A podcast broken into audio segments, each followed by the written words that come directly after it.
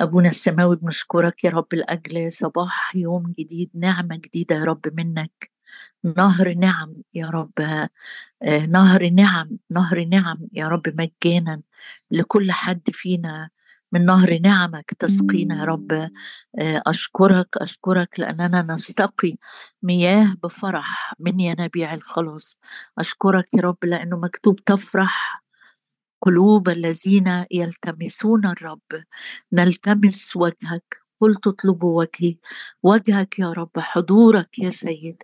نلتمس ونطلب. أشكرك أشكرك يا رب لأنه في محضرك الكل قائل مجدا مجدا وعزا وكرامة للجالس على العرش وللخروف. يا رب بنسبحك وبنعظم اسمك وبنسجد أمامك وبنشكرك. يا رب فاض قلبي بكلام صالح. نشكرك لأجل عظيم صنيعك معنا. شكرا يا رب لأنك إله أمانة. إلى دور فدور. شكرا لأنه أمانتك كثيرة إلى الغمام. شكرا يا رب. شكرا لأنك منحتنا نعمة الحياة وحفظت عنايتك أرواحنا. أشكرك يا رب لأجل عينك المفتوحة علينا. نعم من أول السنة إلى آخرها. شكرا لأنك تحملنا إلهنا صخرة خلاصنا يوما فيوم أشكرك لأننا على الأيدي نحمل وعلى الركبتين ندلل. شكرا لأنك ترسن لنا. شكرا لأنك عونا في حينه. شكرا يا رب لأجل آه، يا رب نور وحق يهدياننا شكرا لأجل فيض فيض يا رب فيض النعمة وعطية البر. ربنا يسوع المسيح ثياب خلاص ألبسني ورداء البر كساني. شكرا لأننا محبوبين شكرا لأننا مقبولين بلا لوم أمامك. شكرا يا رب لأن لنا ثقة بالدخول إلى الأقداس بدم يسوع بجرأة. هاليلويا لأجل الطريق الحي الحديث الذي كرسته لنا بالحجاب. أي بجسدك ودخلت كسابق لأجلنا.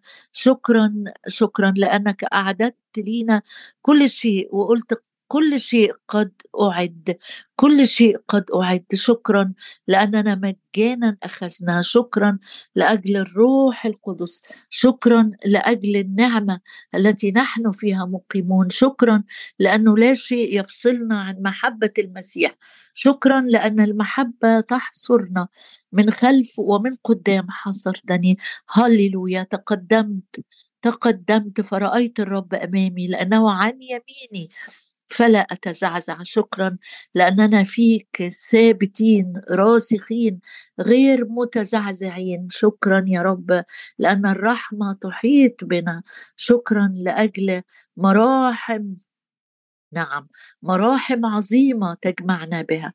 يا رب حاطين اليوم النهاردة بين إيديك بكل تفاصيله بكل أحداثه بكل أخباره بكل مواضيعه. يا رب ليس لنا ليس لنا ليس لنا لكن لاسمك وحدك أعطي المجد. قدنا يا رب في هذا الصباح عشان نفرح قلبك. قدنا عشان نرنم وننغم بجبروتك. شكرا نقدم ليك يا سيد ذبائح تسبيح ثمر شفاء معترفة باسمك. يلذ لك نشيدي وأنا أفرح بالرب. قدنا في تسبيح لائق. قدنا في ترنيمات يسر قلبك يا رب سمعها منا. يا رب قدنا وكلمنا واشبعنا وعلمنا وابنينا وادخلنا إلى العمق فنرى عجائب من شريعتك. أباركك وأعظمك. لك وحدك المجد والإكرام والسجود في المسيح يسوع ربنا. آمين. إحنا مع بعض بنتكلم عن الحراس في آه، سفر نحمية وأصحاح سبعة آه، ولما بني السور وأقمت المصاريع وترتب البوابون والمغنون واللاويين أقمت حناني أخي وحنانيا رئيس القصر على أورشليم. لأنه كان رجلا أمينا يخاف الله أكثر من كثيرين وقلت لهما لا تفتح أبواب أورشليم حتى تحمى الشمس وما داموا وقوفا فليغلقوا المصاريع ويقفلوها. وأقيم حراسات من سكان أورشليم كل واحد على حراسته وكل واحد مقابل بيته. وكانت المدينة واسعة الجناب وعظيمة والشعب قليل في وسطها ولم تكن البيوت قد بنيت. يعني المدينة لسه معالمها مش باينة قوي. فاكرين لما جم يبنوا الهيكل مع عذراء وبعدين سابوا بناية الهيكل شوية واهتموا إن هم يبنوا بيوتهم ويغشوها بالفضة ويهتموا بيها.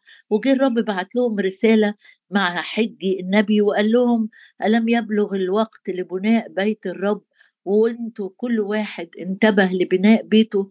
فسابوا بناء بيوتهم أو انشغلوا مرة تاني ببناء بيت الرب. وبعد شوية جينا حمية علشان يبني الأسوار لكن أورشليم كان كل الساكنين فيها أو اللي رجعوا ما يزيدوش عن خمسين ألف وكانوا كمان موجودين في مدن تانية غير أورشليم.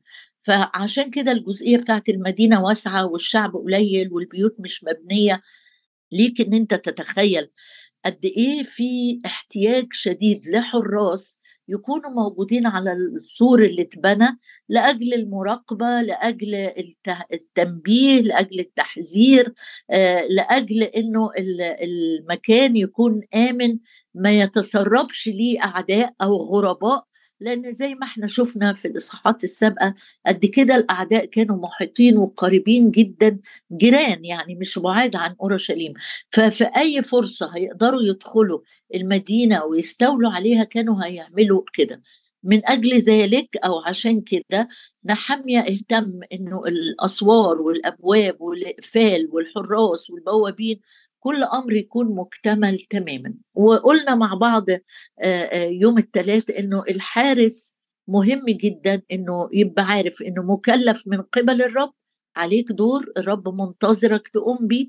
الحارس صاحب عين سهرانة منتبهة مفتوحة بتميز كمان نوعية الناس اللي اللي اللي, اللي داخلة اللي خارجة. كمان لو كان حد بيوصل ال ال الأبواب كانت بتتقفل أول ما الشمس تغرب قبل العتمة ما تعتم فاللي بيوصل ويكون الباب اتقفل بيبيت بره المدينة جنب الأسوار كده حتى لو جاي للتجارة حتى لو جاي معاه حاجات خير للمدينة ممنوع حد يدخل في أثناء الظلام أو بعد ما الشمس بتغرب تامينا للبلد. فالحارس ده بيشوف كويس وبيصغي كمان إصغاء شديد وعنده القدرة على النداء بصوت عالي يصرخ كأسد. كل الكلام ده قريناه في أشعية 21 النهاردة هنقرأ في أشعية 52 بيكلمنا مرة تاني عن المراقبين أو الحراس بس المرة دي بيعملوا حاجة مختلفة. تعالى هنشوف مع بعض الحراس اللي في أشعية 52 وبيسميهم هي هي نفس الكلمة في العبري. بيسميهم المراقبين المراقبين. ففي آه، أشعية 52 وعدد 8 بيقول صوت مراقبيك صوت مراقبيك يرفعون صوتهم. إحنا متفقين إن الحراس آه، آه، صوتهم بيوصل زي بوق عشان الناس اللي واقفة تحت على البوابات تقفل البو... البوابات وتحكم غلقها وتعمل الاقفال فصوت المراقب يقول صوتهم عالي صوت مراقبيكي بس بيرفعوا صوتهم بإيه؟ مش بخناق لكن يرفعوا صوتهم يترنمون معا لأنهم يبصرون عينا لعين عند رجوع الرب إلى صهيون. المراقبين هنا آه، ليهم صوت عالي ومسموع عند الناس اللي تحت ويمكن في أرجاء أورشليم بيرفعوا صوتهم بإيه؟ بترنيمات لأنهم شايفين عمل الرب العظيم عينا لعين عند رجوع الرب إلى صهيون. لما الرب بيرجع تاني يفتقد شعبه ويقبل ذبايحهم ويقبل تقديماتهم والشعب هيرجع فعلا يكون أمين للرب. فالمراقبين اللي فوق دول اللي واقفين مش بيصرخوا بقى إن في خطر لكن بيرفعوا صوت بالترنيم. يبقى لأني شايف مجد الرب وعمل الرب وبعدين يقول أشيدي ترنمي يا خرب أورشليم لأن الرب قد عز شعبه فدى أورشليم. لأن أورشليم كانت زي ما التقارير وصلت لنحامية قال له أبوابها محروقة بالنار والمنازل مهدومة. حالتها كانت مزرية جدا بعد آه، نهاية السبي. ويبني ونحامية ويبني وأصبح في رجوع للرب آه، لأورشليم وفي تعزيات وفي أمور عظيمة. الآية دي بتتكلم عن أحداث الأيام الأخيرة لكن جزئيا بتتحقق مع آه، بناء أورشليم كمدينة وكهيكل ففي صوت ترنيمات. إيه اللي يخصني أنا؟ اللي يخصني إن أنا كحارس وزي ما قرينا إن الحراس اللي أقامهم نحمية كل واحد وقوف كل واحد على حراسته وكل واحد مقابل بيته. يعني حضرتك وحضرتك انت حارس. مقام من الرب عن بيتك. ولو أنا ما عنديش حد ساكن في بيتي غيري أنا أقول لك ما أنت الرب مكلفك بخدمة نفس اتنين تلاتة. أنت بتقفي وبترنمي على الأسوار وبتعلني إيمانك إن الرب يفتقدهم يثبتهم يكملهم يقويهم ينميهم. ده دورك ودوري كحارس عن بيتي وكحارس كمان في الخدمة اللي الرب اتمني عليها. طيب نشوف كمان نوعية تانية. من الحراس بتعمل إيه في سفر أرميا؟ أرميا اتكلم آه، الرب فيه عن الحراس أكتر من مرة وهنشوف في سفر آه، أرميا. أصحاح ستة وعدد 17 يقول لي آه، آية كمان عن الحراس. نقراها مع بعض. 6 4 6 17 وأقمت عليكم رقباء. يبقى أدي ثالث مرادف لكلمة حراس يعني في نحمية قال حراس في أشعية قال مراقبيكي في أرمية قال رقيب رقيب في مراقب وفي رقيب. أقمت عليكم رقباء قائلين اصغوا لصوت البوق يعني الحراس اللي الرب أقامهم في سفر أرمية كان ليهم دور تاني. دول مش هيرنموا بقى. دول كانوا عندهم على آه، أفواههم في أبواق علشان تنادي بصوت عالي قوي قوي آه، والحراس دول بيقولوا اسمعوا صوت البوق البوق بينبه. البوق دايما آه، علشان التنبيه فبي فالرقباء دول بينبهوا في خطر جاي على المدينة في لصوص في حرب هتقوم. فأيام سفر أرميا كان الرقباء بيقولوا لهم يلا بسرعة الرب بيقول لكم اتحركوا روحوا للسبي لأن الحركة للسبي هي اللي فيها نجاة لانها تقضوا فترة العقاب والتأديب في آه، أورشليم. لكن اللي هيفضل في أورشليم في الوقت ده كان هيهلك. فالرقباء كان صوتهم عالي جدا اصغوا لصوت البوق. لكن الشعب الحقيقة رفض إن هو يصغي لصوت البوق وبالتالي اللي حصل معاهم إن اللي مشيوا من أورشليم نجيوا وناس رجعت من السبي بعد سبعين سنة. لكن اللي أصروا على رأيهم ومشيوا ورا النبوات الكاذبة زي ما كلنا عارفين بقية التاريخ آآ آآ طبعا ماتوا يا إما بالسيف يا إما بالوباء كان يا إما بالجوع.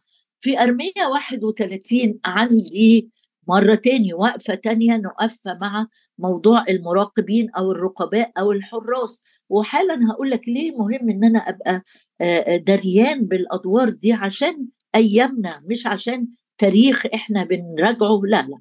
أو وقت لازم أملاه بأي موضوع لا مش كده خالص. أرمية 31 وعدد ستة وسبعة. أرمية 31 وعدد ستة وسبعة.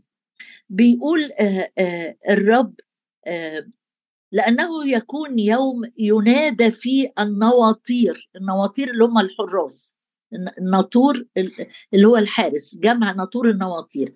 يبقى لما نقرأ الكلام ده لوحدينا هيبقى فاهمين مين دول. لأنه يكون يوم ينادي فيه النواطير.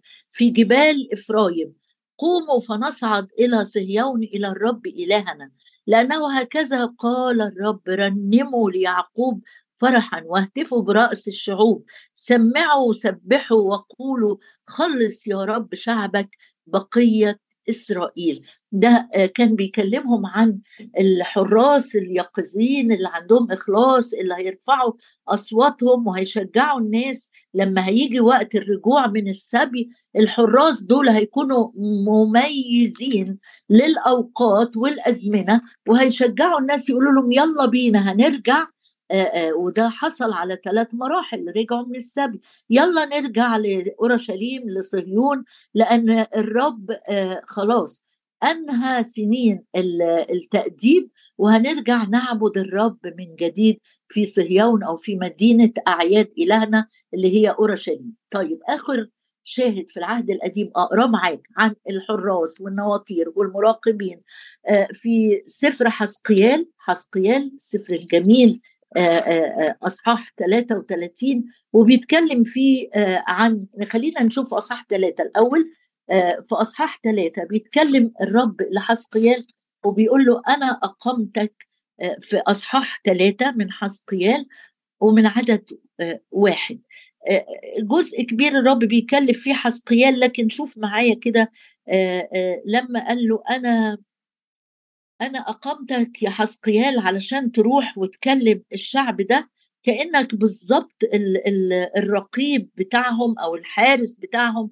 اذهب وكلم فقال لي في عدد أربعة فقال لي يا ابن آدم اذهب امضي إلى بيت إسرائيل وكلمهم.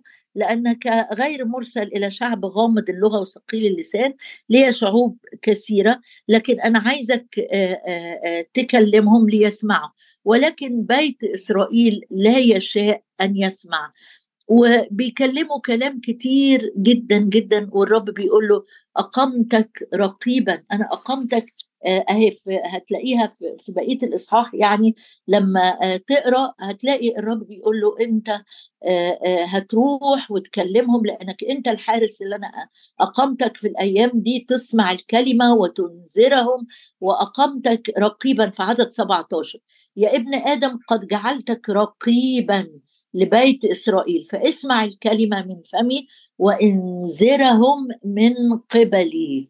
وبقية الإصحاح ممكن أنت تقراه وتشوف الرب كان باعت يقول لحسقيال أنت رقيب أنت حارس أنت تبقى سامع مني. تاني للمرة التانية بقول لك إن مهم جدا جدا تبقى فاهم إن دورك في أسرتك وفي بيتك وفي المجموعة اللي أنت بتخدمها إنك زي بالظبط حارس الأسوار منتبه جدا فيش حاجة تتسرب وتدخل كده بالدس ولا خفية ولا من غير ما حد يفهم إيه ده سواء مثلا أمر شرير يبتدي في بيتك في حياة أولادك في صداقة علاقة ناس تبتدي تزورنا والناس دي مش من الرب. جيران نختلط بيهم بالزيادة ويكونوا مدخل لعدو الخير. انت رقيب كل واحد عن بيته. مالكش دعوة ببيوت الناس اللي حواليك لكن انت عن بيتك. ماذا عنك؟ حارس يقظ مخلص؟ ما هو لو ما كانش الحارس مخلص كان هيسمح للأعداء يدخلوا. عشان كده الحارس مش بس يقظ ومنتبه وصاحب صوت مرنم وصاحب صوت بينذر ومش بيتكلم في سره مع نفسه أو يدخل آه، ويقفل الأوضة على نفسه ويقول أنا ماليش دعوة بالباقيين لأ. الحارس مدي نفسه كلها للآخرين اللي هو مسؤول عنهم. وده يعني نفهمه أكتر من عبرانيين 13 عبرانيين 13 وعدد آه، آه، 17 واقراها معايا كده بروحك مش بذهنك بس يقول أطيعوا مرشديكم وإخضعوا لأنهم يسهرون هم حراس مش عشان يسودوا عليكم أو إنهم يتمنظروا علينا أو يدونا أوامر آه، وإحنا آه، آه، في عبيد لازم نطيع لأ بيقول مرشديكم وإخضعوا لهم لأنهم يسهرون لأجل نفوسكم. والسهر مش هو إني أمسك الساعة وأقول أنا صاحي لحد الساعة 3 السهر يعني واحد يقظ منتبه مركز كل حواسي مش أي حاجة وبس. تيجي وت و و ونعيش فيها شهور وسنين لولا ننتبه إن في خطر دخل البيت. أطيعوا أو الخدمة أطيعوا مرشديكم واخضعوا لأنهم يسهرون لأجل نفوسكم. يعني لو أنا بخدم مثلا مجموعة مجموعة شباب وعندي شاب مستهتر أو شاب كسلان أو شاب بيشيع روح مذمة أو روح فشل و... وأنا مش منتبه كمرشد أو كخادم أو كأب إن الشاب ده أو البنت دي بتشيع روح فيها كده روح غريبة وسط بقية المجموعة. لو أنا مش منتبه الروح دي زي الوباء هتنتشر وسط اثنين وثلاثة وهكذا. فهنا بيقول لأ خليكم فاهمين إن المرشد أو رب البيت سهران لأجل نفوسكم كأنهم كأنهم سوف يعطون حسابا لكي يفعلوا ذلك بفرح. لا أمين لأن هذا غير نافع لكم. مرة تاني عايزة أقف عند تعبير اللي قاله نحمية كل واحد كل واحد مقابل بيته. يعني ما فيش بالجملة. واخد بالك معايا؟ لو رجعت تاني لنحامية سبعة بيقول كل واحد واقف في الحراسة دي بتاعت الأسوار ما الأسوار اتبنت والرب أيدنا وكويس قوي ولاد ولادي بيحضروا الاجتماعات أو آه، يرضوا يجوا معايا الكنيسة أو أو لكن أنا مش منتبه إيه اللي داخل تاني في حياتهم. قال كل واحد على حراسته وكل واحد مقابل بيته. أحيانا عينينا بتبقى تايهة على بيوت الآخرين أقول بص بيت فلان في كذا بص بنت فلانة بص ابن فلانه الرب بيقول لك كل واحد على بيته كل واحد مش نوع من الأنانية لكن نوع من المسؤولية الروحية والأدبية أمام الرب إنه تمني على القطيع ده أو أو الأسرة دي لازم أقف مقابل بيتي. عندي مسؤوليات جدا اقراها بدون تعليق عشان بس أنهض بالتذكرة أذهاننا مع بعض. في سفر الخروج أصحاح 16 تعبير كل واحد كل واحد ما ينفعش أنا آخد دورك ولا أنت تاخد دوري. يقول ففعل أنا في خروج 16 عدد 17 فعل بنو إسرائيل هكذا والتقطوا ده المن بين مكسر ومقلل. ولما كالوا بالعمر لم يفضل المكسر والمقلل لم ينقص. كانوا قد التقطوا كل واحد على حسب أكله. وفي عدد 21 من نفس الإصحاح أنا في خروج 16 وكانوا يلتقطونه صباحا فصباحا كل واحد على حسب أكله. وإذا حميت الشمس كان يذوب. يعني التقاط المن والرب يسوع قال عن نفسه إن هو الخبز النازل من السماء المن الحقيقي. أباءكم أكلوا المن في البرية وماتوا لكن أنا الخبز الحي النازل من السماء. فهنا بيقول إن الشعب في القديم كل واحد كان لازم يلتقط بنفسه. ما يبعتش واحد مثلا آه، أخوه يقول له التقط لي آه، آه، ليا ولعيلتي وأنا النهارده كسلان هنام في البيت. أو واحدة تبعت أختها تقول لها انت طالعة تجيبي لأولادك هاتي لي بالمرة. لا كل واحد يلتقط على حسب أكله وكل واحد يلتقط على حسب أكله وعلى حسب كمان على حسب بيته. وما ينتظرش لما الشمس تحمى. يعني في وقت محدد بدري كان لازم يلموا فيه المن وإلا هيفضلوا بالجوع اليوم كله. ما ينفعش يتكلوا على بعض. ما ينفعش أقول أنا ابن عمي طلع بدري ولملي. لا لا. علاقتك بالكلمة علاقة أولادك بالكلمة. أنت مسؤول وأنت مسؤولة. إنك تشجع أولادك تقرأ معاهم مش توعظهم طول النهار. يلا اقروا الكتاب. ليه ما قريتوش الكتاب؟ لا.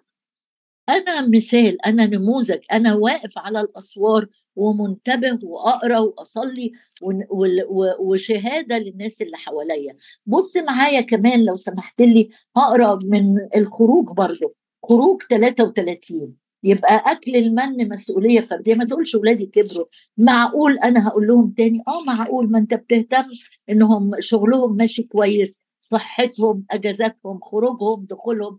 طب اهتم إن أنت تشجعهم على قراية الكتاب. اهتم إنك تجيب لهم كتاب روحي يقروا فيه. بص معايا في خروج 33 خروج 33 في تعبير كل واحد كل واحد. إحنا بنقرأ عن مسؤولية كل فرد. يقول في عدد ثمانيه في عدد ثمانية وكان جميع الشعب إذا خرج موسى إلى الخيمة يقومون ويقفون كل واحد على باب خيمته وينظرون وراء موسى حتى يدخل الخيمة. وعمود السحاب كان إذا دخل موسى الخيمة ينزل ويقف عند باب الخيمة ويتكلم الرب مع موسى فيرى جميع الشعب عمود السحاب واقفا عند باب الخيمة. ويقوم كل الشعب ويسجدون كل واحد في باب خيمته. آه جالي هنا مرة تاني إيه كل واحد بيسجد أمام الرب. أنا مهتم أما أنا وبيتي فنعبد الرب على باب الخيمة. آه باب خيمتهم يعني. يعني إيه عمليا في أيامنا؟ آه اني أنا أهتم إن بيتي يكون في عبادة للرب مش ابني وبنتي أهم بيجوا يمضوا في الاجتماعات ويمشوا. لكن طول الأسبوع أنا شايف حاجات تانية خالص خالص. مش موضوع آه إن أنا أوعظهم أو طول اليوم أنا ماشي وراهم بالعصاية. لكن جوه قلبي في مسؤولية إن دول أنا واقف حارس عنهم. أنا على الأسوار زي بتوعنا حامية مقابل بيتي. عندي حاجة تاني تخص كل واحد في العلاقات بيننا وبين بعض. لو طلعت معايا طبعا في زي ما بقولك أكتر من 300 تعبير ووصيه وأمر عن كل واحد كل واحد كل واحد مش بالجملة.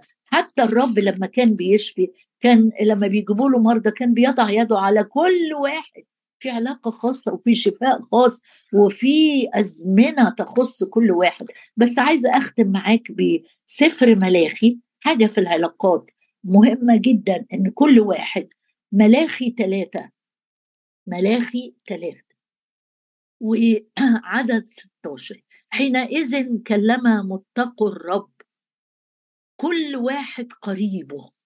آه متقوا الرب ليهم شركة مع بعض ليهم خروجات مع بعض ليهم وقت عبادة مع بعض ليهم وقت مشاركة مع بعض. بس إيه خلي بالك متقوا الرب دول لما بيتكلموا كل واحد مع قريبه كل واحد قريبه الرب أصغى وسمع وكتب أمامه سفر تذكرة للذين اتقوا الرب وللمفكرين في اسمه.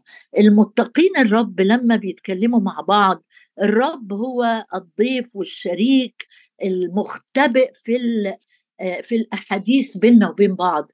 أي نوعية من الأحاديث؟ أي نوعية من الأحاديث اللي الرب بيسجلها؟ بيقول والرب أصغى. يا رب أنا أخجل لو اتكلمت مع فلان. وإحنا بنتكلم مع بعض. آه أخجل إنك بتصغي أخجل إنك سامع الحديث ده أخجل إنك هتسجل الحديث ده لأن كل واحد زي ما بيقول سفر الأمثال أكتر الناس مالهم أكتر الناس؟ هقول لك أكتر الناس كل واحد آه، كل واحد ينادي بصلاحه. أما الرجل الأمين فمن يجده؟ فأنا لما بحكي مع حد تاني يا ترى انادي بصلاحي بشاور على آه، الجمال اللي فيا والأمانة اللي فيا ولا أنا واخد بالي إن الرب سامع الحديث ده وبيسجل؟ صحيح ملنا كل واحد إلى طريقه ورب وضع عليه اسم جميعنا. أبويا السماوي أشكرك يا رب لأنك أنت عارف كل واحد فينا باسمه وقلت دعوتك باسمك أنت لي. أشكرك لأنك خلصتنا ودعوتنا ودعوتنا وقلت إن لم يترك كل واحد منكم جميع أمواله لا لا يقدر أن يكون لي تلميذا.